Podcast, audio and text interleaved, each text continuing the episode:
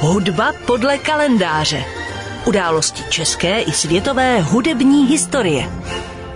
Dnešní hudba podle kalendáře připomene významného polského hudebního skladatele a pedagoga druhé poloviny 19. a první poloviny 20. století Karola Šimanovského. Od jeho narození si letos připomínáme rovných 140 let. Jeho styl se pohyboval často na hranici tonality a bývá dáván do souvislosti jak s hudbou konce 19. století, takzvaným hudebním impresionismem, ale i s hudbou neofolklorismu, případně s díly autorů první hudební avantgardy. Karol Maciej Šimanovský se narodil 3. října 1882 v obci Timošovka na Ukrajině. Pocházel z polské rodiny žijící od 18. století na Ukrajině. Matka rozená Taubeová pocházela z Kuronska, které je dnes součástí Lotyšska a rodina v obci Timošovka vlastnila panství.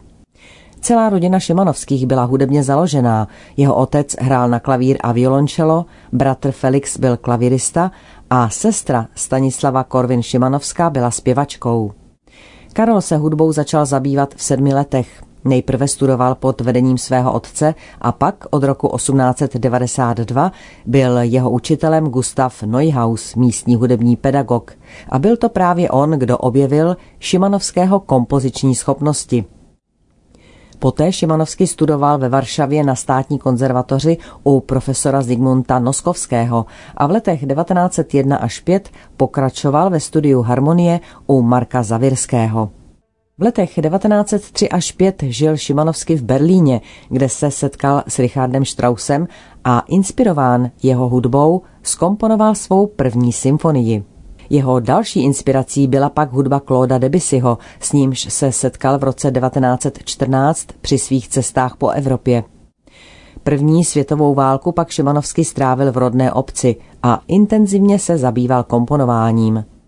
Z té doby pochází mimo jiné jeho třetí symfonie, koncert pro housle a smyčcový kvartet.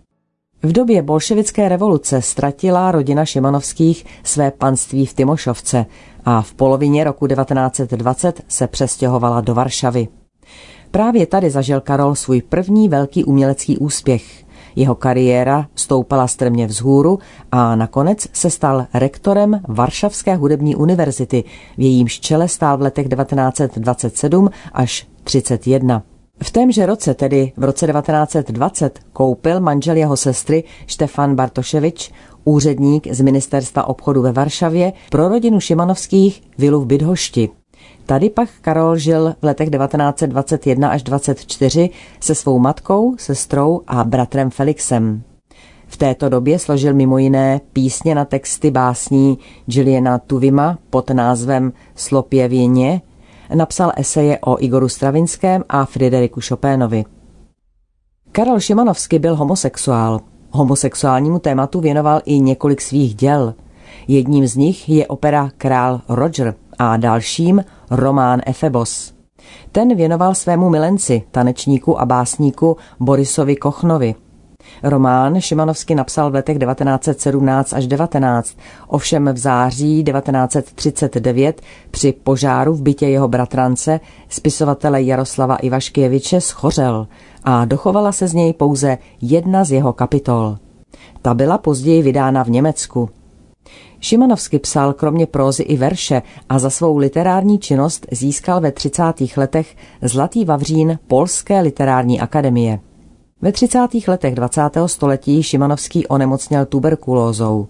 Pronajal si v té době v zakopaném vilu Atma, odkud často odjížděl na léčení do švýcarského sanatoria. Tuberkulóza se ovšem rozšířila do krku a stav byl tak závažný, že skladatel nebyl schopen nic jíst.